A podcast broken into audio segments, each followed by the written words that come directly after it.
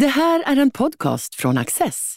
Du hittar fler av våra program på access.se och på Youtube. Mycket nöje!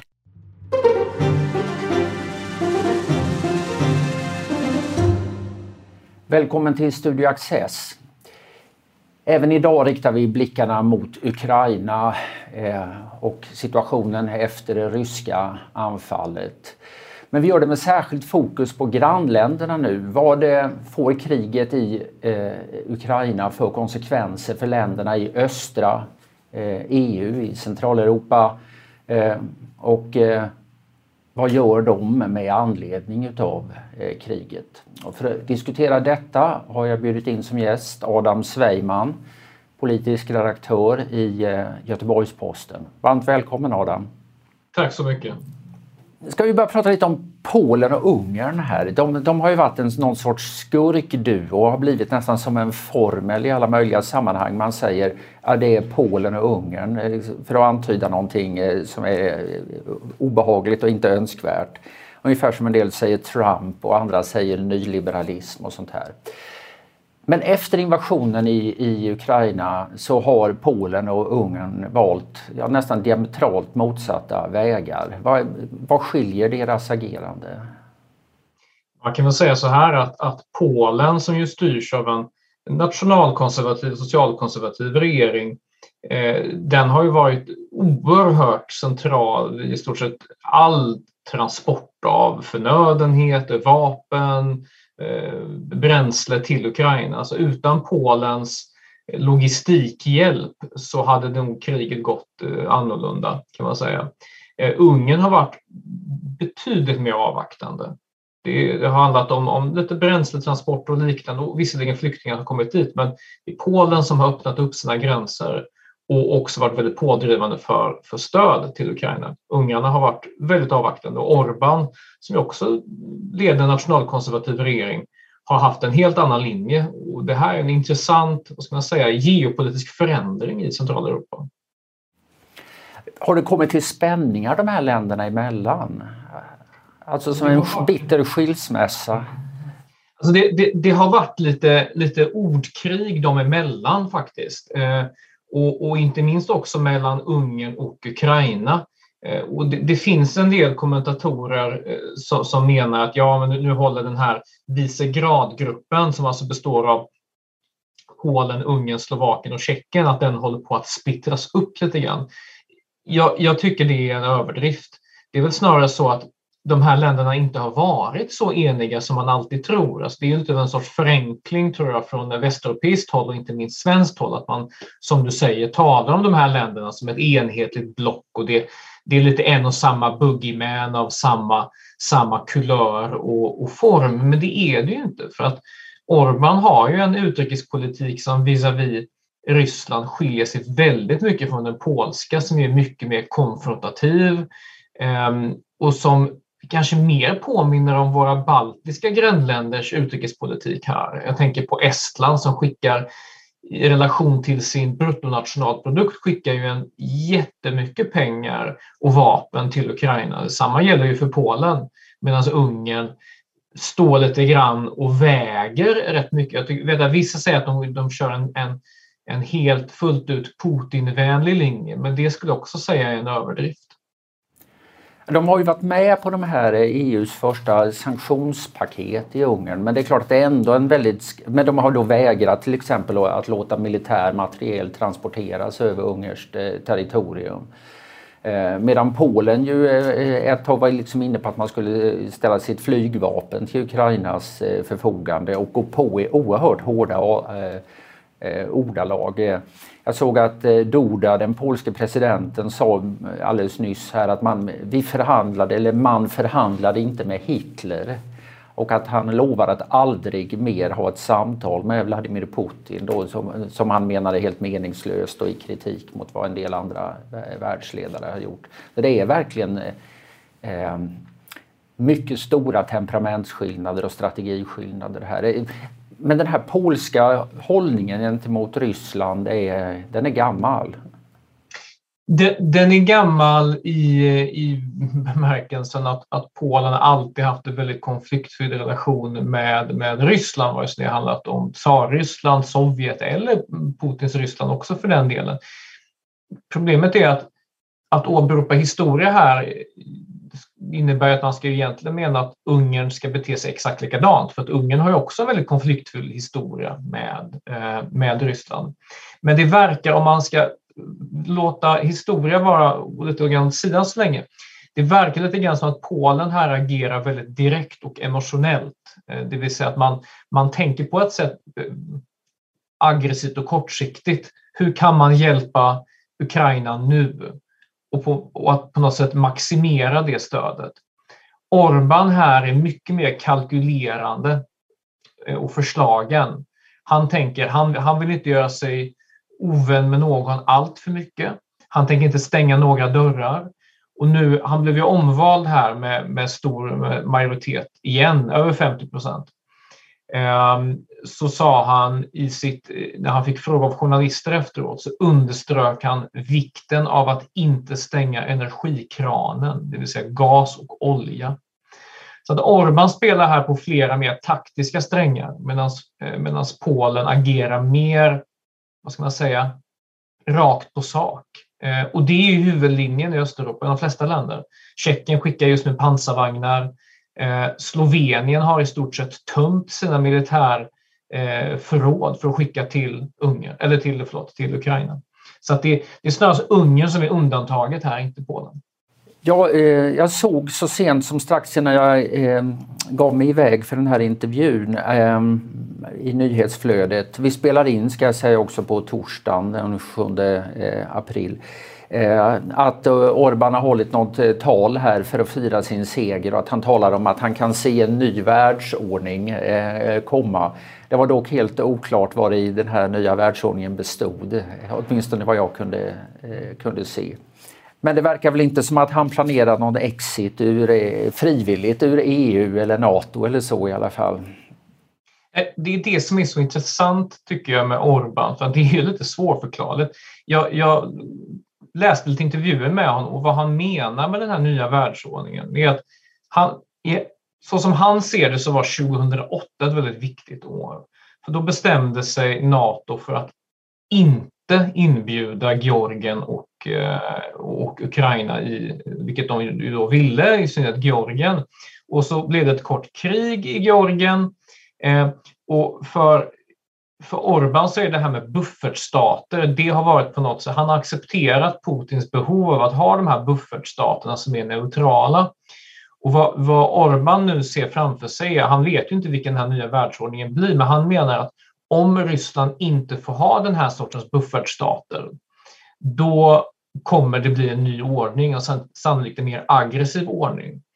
Och ska man vara eh, misstänksam mot Orban, och det tycker jag man ska vara, så är det snarare så att han ser in i framtiden nu och tänker hur kommer situationen vara om 10-15 år? Och hur ska Ungern positionera sig i ett sådant läge? Så att han är egentligen den, han är en, det, det engelska ordet för det, han är en fence sitter. Eh, och det här är den ultimata formen av fence sitting, för det pågår ett, ett invasionskrig. Han säger angående de eh, eh, påstådda krigsbrotten utanför Kiev, det verkar rätt klarlagt att det här är brott mot civila människor. Han menar att man ska vänta tills det har gjorts ordentliga utredningar, så kan man visserligen säga, men mycket tyder på att det faktiskt är brott mot civila. Han, håller, han tänker hela tiden främst och enbart på eh, ungerska intressen. Och han ser inte Ryssland som ett hot. Det är väl det som är det centrala här. Han ser inte Ryssland som ett hot mot Ungern och därför kan han så att säga tillåta sig att vara så pass eh, ambivalent. Samtidigt understryker han hela tiden eh, EU och NATO viktigt för Ungern. Det är ett svårförståeligt land. Ja, eller möjligen kanske också en svårförståelig region. Jag, eh, när jag förberedde mig för detta så hittade jag en, en eh, studie som har gjorts av ett institut i Bratislava eh, som eh, heter Globsec, Global Security, och som har gjort en stor opinionsundersökning i nio länder i eh, östra och centrala Europa om synen på Ryssland och lite grann också synen på EU och NATO. Den är gjord 2020 på hösten så det är ett läge före kriget. Så att säga. Men man, man kan se där att ja, här finns någon sorts utgångsläge för hur opinionen skulle kunna utvecklas. Och där märker två länder av eh, ut sig genom att vara eh, särskilt kritiska. Det är Rumänien och ännu mer Polen. Eh, medan det i många andra länder finns en väldigt mixad syn. Man, man har en rätt positiv, det här är ju hos allmänheten då, inte hos den politiska ledningen. Man har en rätt positiv syn på Ryssland. Eh, men också en positiv syn på EU och, och NATO. Man, jag, jag, vet inte riktigt hur man ska tolka det, om man vill ha, ha kakan och äta den eller, eller vad tror du? Ja, det är ju en, alltså, det är en märklig kombination. Man skulle ju vara lockad att tänka sig att det finns någon historisk spårbundenhet, det vill säga att, att om man har blivit förtryckt av ett land så tycker man illa om det landet. Men det är ju inte så enkelt i, i Warszawapakten och hela östblocket, då var ju Ungern och Polen var ju de länder som hölls lite, lite lösare faktiskt. Eh, man ska komma ihåg att eh, eh, Tjeckoslovakien invaderades 68 eh, efter att man har gjort försök till att bli oberoende. Polen lyckades ju komma undan detsamma 1982. Man hade en egen militärjunta och så, men det var ju i väldigt stor utsträckning för att man ville så att säga undvika att ha den här, ehm, den här ryska interventionen. Ungern hölls också lite lösare på 70 och 80-talet. Och det var ju Polen och Ungern som man hade små försök till någon sorts blandad blandekonomi och så vidare. Medan Tjeckoslovakien och i synnerhet Tjeckien var ju den del av, av ehm, Centraleuropa som hade en närmast stalinistisk regim längst. Så att det fanns ju skillnader i östblocket. Man skulle kunna tänka sig att, att det land som drabbades hårdast, eh, det vill säga, eh, jag skulle nog vilja säga att det var Tjeckoslovakien om man ska tala om Centraleuropa. Då borde ju de ha de mest resentiment gentemot Ryssland. Men uppenbarligen så fungerar det inte så. Jag vet ju inte nu hur allmänhetens syn på Ryssland mm. har utvecklats. Det verkar inte vara någon djärv gissning att man har blivit mer kritisk eh, eh, hittills i år. Vad vi däremot vet är ju att statsledningarna som du var inne på tidigare i flera av de här länderna har svängt rätt dramatiskt. Polen har varit kritiskt hela tiden. Ungern har kört sitt race. Men i Tjeckien, Slovakien, eh, framförallt kanske så fanns det rätt stor förståelse för det ryska eh, in till nyligen och den tjeckiske presidenten har ju fått mycket kritik för att vara eh, ryssvänlig och så vidare till exempel. Nu går de på hårt som du säger med militära leveranser och väldigt skarpa uttalanden. Hur, hur ska man förstå det där? Men det är ju det att Putin har gått över gränsen här. Alltså tidigare, eh, Krim 2014 var ju mästerligt gjort. Donbass också. Alltså hybridkrigföringen där Ryssland är, säger vad man tycker men inte agerar jätteaggressivt har ju varit, det har varit den smarta krigföringen eh, som har gjort att, att upprördheten inte varit så stor. Men nu har man gått över en röd linje. Och det är då jag tror även de här typerna som, som anser att, ja, ja, att, alltså, att, att, att Rysslands imperie, eh, bevakning av imperieintressen är acceptabelt. Nu menar man att det det här är att gå för långt eh, och vi kan stå, vi står på tur. Man har liksom så här väckts ur sin dvala. Man ska komma ihåg, det här är små länder eh, och, och Ryssland har en, en aktiv utrikespolitik. Eh, man har lobbyister eh, och mediekanaler som är positivt inriktade. Det här är länder med svaga institutioner än i väst. De är enklare i många fall att påverka och köpa. Så att jag säger inte att allting handlar om desinformation, men mycket av den, Rysslands positiva opinionen eh, byggde någonstans på att man också trodde att Ryssland hade förändrats rätt mycket från, från eh, Sovjettiden. Ja, och det var ju sannerligen inte bara de här Visegradländerna som eh, hade fått sådana saker för sig. Um, hur är det med den ryska närvaron? Liksom? Är det eh, investeringar, medienärvaro, uh, ja, energiförsörjning? Uh, skiljer det sig mycket åt mellan de här länderna? Det, det, det gör det absolut. Vissa, vissa länder som Slovakien är oerhört beroende av, av rysk eh, gas exempelvis. Det gäller ju hela centrala eh, Europa egentligen. Sen är det också så att Eh, Eh, vissa av de här länderna har väldigt mycket större närvaro av en rysk diaspora, turism och liknande. Men man ska komma ihåg att det är väldigt vanligt att se eh, rika ryssar i, i centraleuropeiska länder, i semesterorter. Och de äger hus eh, och har investeringar och så vidare. Eh, Ryssland har ju producerat en enorm eh, rikedom under de postsovjetiska åren, men det är en rikedom som har varit väldigt snedfördelad. Och de pengarna har man ju velat investera någonstans, så att man får ju dem från i, i regel eh, kapitalintensiva ehm, eh, eh, stora industrier och råvarumarknader så vill man investera dem i fastigheter och företag av olika slag. Så det finns en väldigt stor rysk närvaro i de här länderna. Men som, som du säger, den skiljer sig väldigt mycket åt. Eh, och mitt intryck är att det är, det är mer exempelvis just Slovakien och Ungern än vad det är i Polen. Om vi rör oss till Polen ett tag. Nu har ju Polen tagit emot ett mycket stort antal flyktingar. Eh, det, det talas om så många som 2,5 miljoner. Och, eh, och än så länge verkar detta ha skett under stor välvilja. Ehm, är det någon skillnad på eh, vad staten gör och vad samhället och civilsamhället gör här eller i attityder? Är, det, är folk och, och eh, politisk ledning enade i den här eh, öppna och välkomnande linjen? regeringen kan ju på något sätt väldigt lätt göra det här till en fråga om att vi har gjort någonting väldigt bra. Vi har tagit emot alla de här människorna. Men det är ju faktiskt främst privatpersoner som tagit emot de här. Privatpersoner, kyrkor, frivilligorganisationer.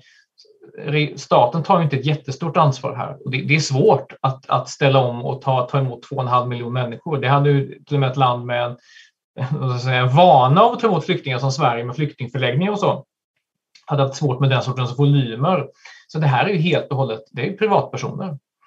Eh, och man ska komma ihåg att den 1,5 miljoner ukrainare som redan befunnit sig, nu har en del åkt tillbaka för att strida i kriget, men som redan befunnit sig i Polen sedan kriget inleddes 2014. De har ju varit där i huvudsak som byggarbetare, Uber-chaufförer och så vidare. Så att den polska staten tar inte ett jättestort ansvar så som vi ser det i Sverige. Vad innebär det att ta ansvar för flyktingar i Sverige? Jo, det är att man ger dem eh, husrum, bidrag och så vidare. I Polen så ser man att man ger dem en chans och en möjlighet genom att ge dem möjlighet att delta i det polska samhället på lika villkor, det vill säga arbeta och försörja sig själva. Så att det här är ju på något sätt en, lite av en gratisvinst skulle jag säga för den polska regeringen. Eh, det här går av sig självt. Sen är det väldigt betungande. Det är nog 2,5 miljoner människor ehm, och oavsett vilka de är så det är en belastning för samhället.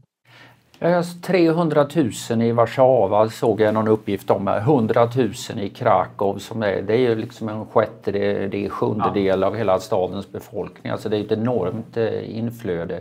Är det i hög grad den här, de, de ukrainare som redan fanns i Polen som står för mottagandet? Ja, det är det en viss del, men men rätt många av de ukrainare som redan var i Polen var män som jobbade där.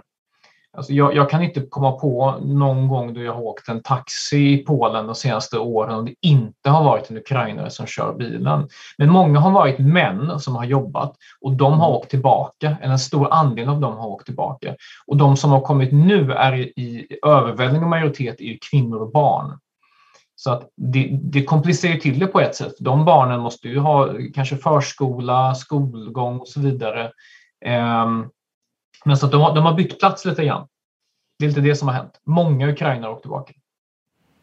Hur nära är polska och ukrainska språken varandra? Det är nog lite subjektivt skulle jag säga, men, men för en svensk så är det lite grann som att förstå danska skulle jag säga. Eh, ju, ju, längre tid man som polack man tillbringar i Ukrain, ukrainares närvaro, ju, ju mer förstår man faktiskt. Det är närmare än ryska. Det är helt klart. Så att kulturellt, språkligt och så vidare så är det ju två folk som befinner sig väldigt nära varandra. Och man ska komma ihåg att Polen historiskt sträckte sig nästan hela vägen till Kiev. Så att ukrainare har ju väldigt länge varit underställda polacker. Och det är en väldigt blodig historia som nu har förbytts till eh, förbrödring. Vilket på något sätt är, det är, det är en fin konsekvens av det som händer. Men om man tänker sig 2,5 miljoner människor, det är, en del kommer väl kanske att fortsätta till andra länder men väldigt många kommer att stanna. Det är väl också betydande risk för att det kommer en ny stor våg nu när man börjar försöka evakuera delar i, i östra eh, Ukraina.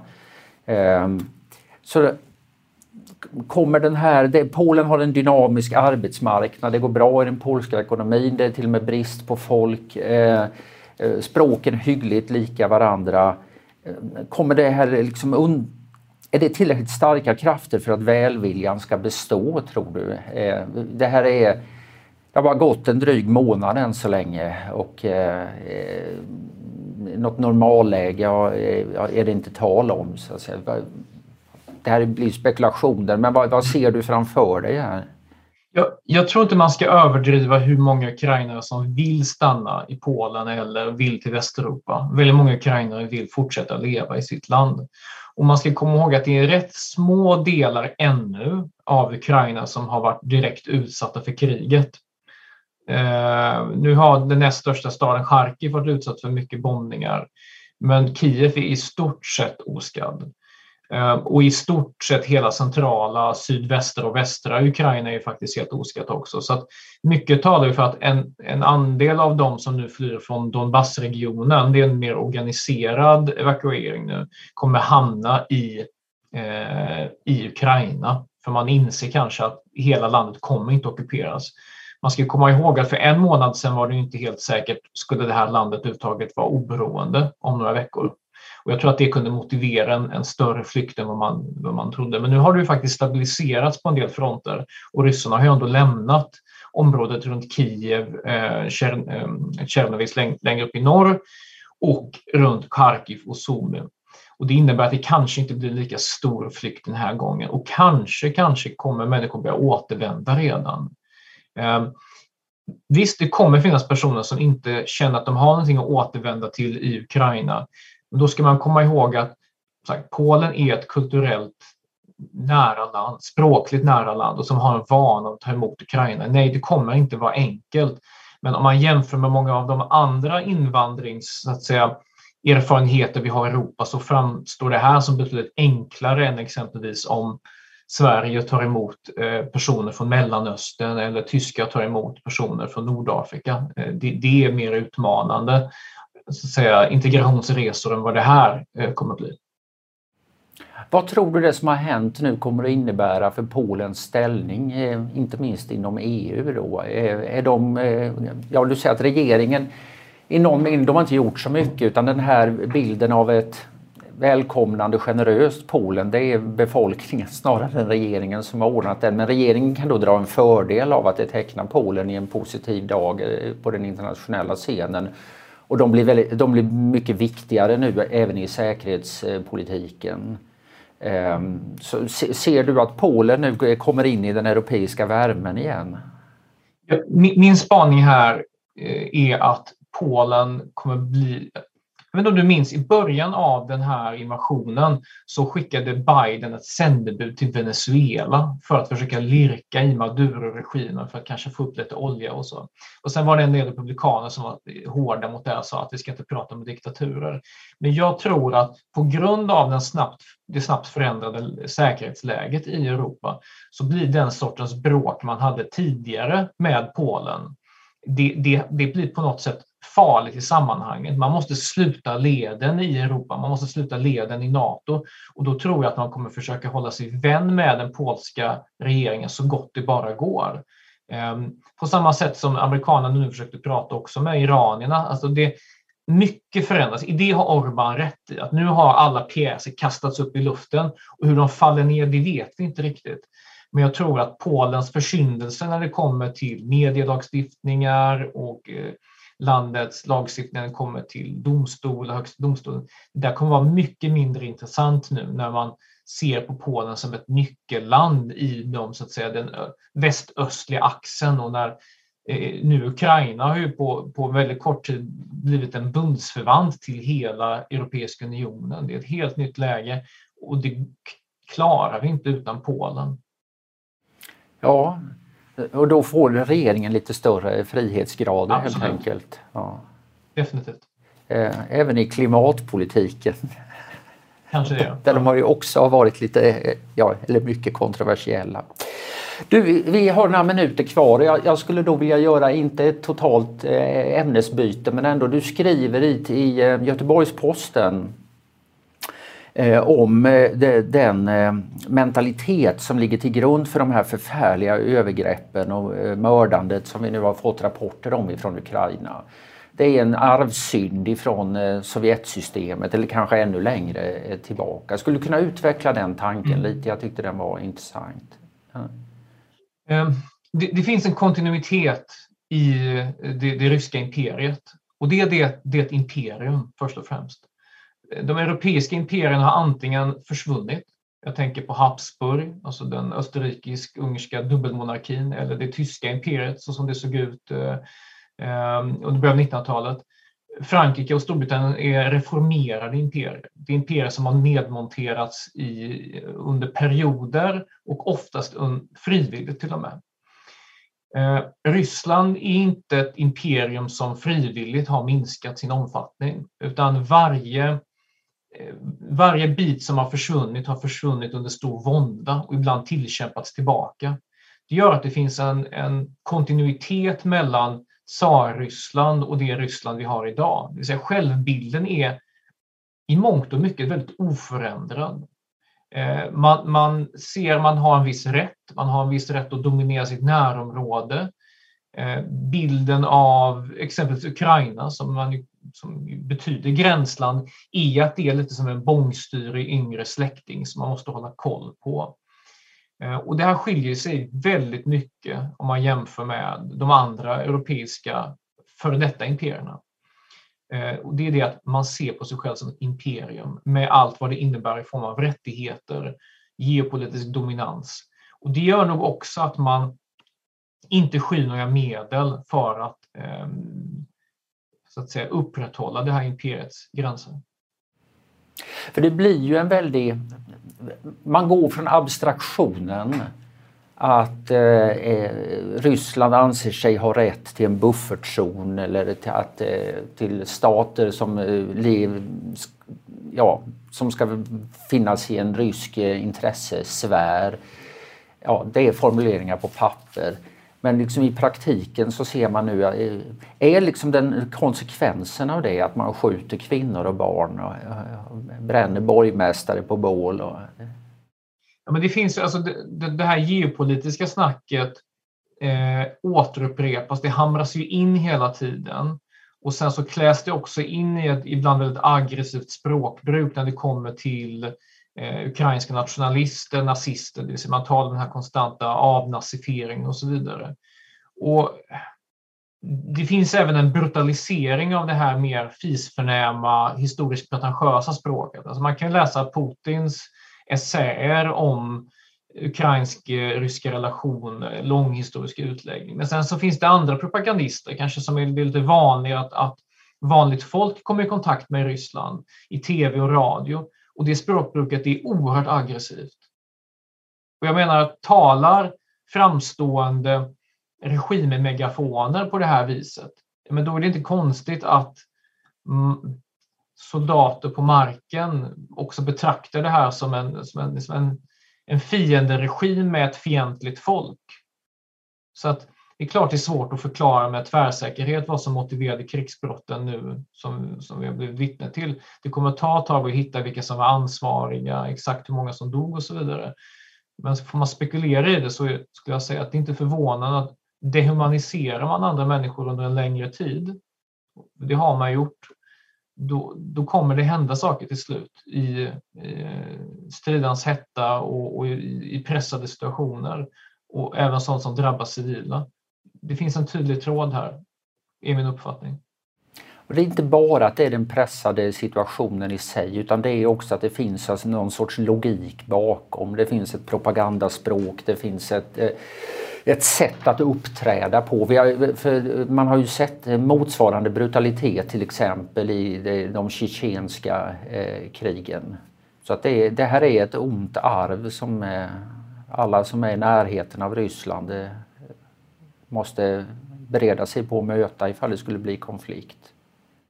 det, det, det, tror jag. Jag tror att vissa kanske hamnar mer i skottgluggen eh, än andra och ukrainare hör till det folket. Och man ska också komma ihåg det här att Ryssland har förtryckt Ukraina oerhört hårt tidigare.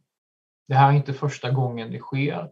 Det är inte första gången man säger sig ha en rätt att styra vad som händer i det landet. Man ser det som en del av sin bakgård.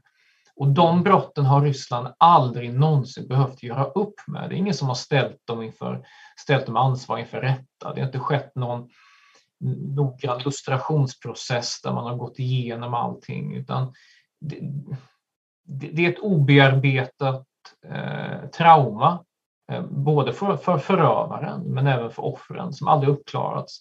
Jämför det med Tyskland eller Japan. Det är länder som har både tvingats och självmant gjort upp med sina imperiella förflutna med alla de övergrepp som de innebar.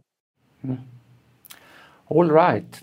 Adam, vi hade kunnat fortsätta länge, eh, men stort tack eh, för att du har varit med. Du har just lyssnat på en podcast från Access. Du vet väl att vi också är en tv-kanal och tidning? Teckna en prenumeration idag på access.se.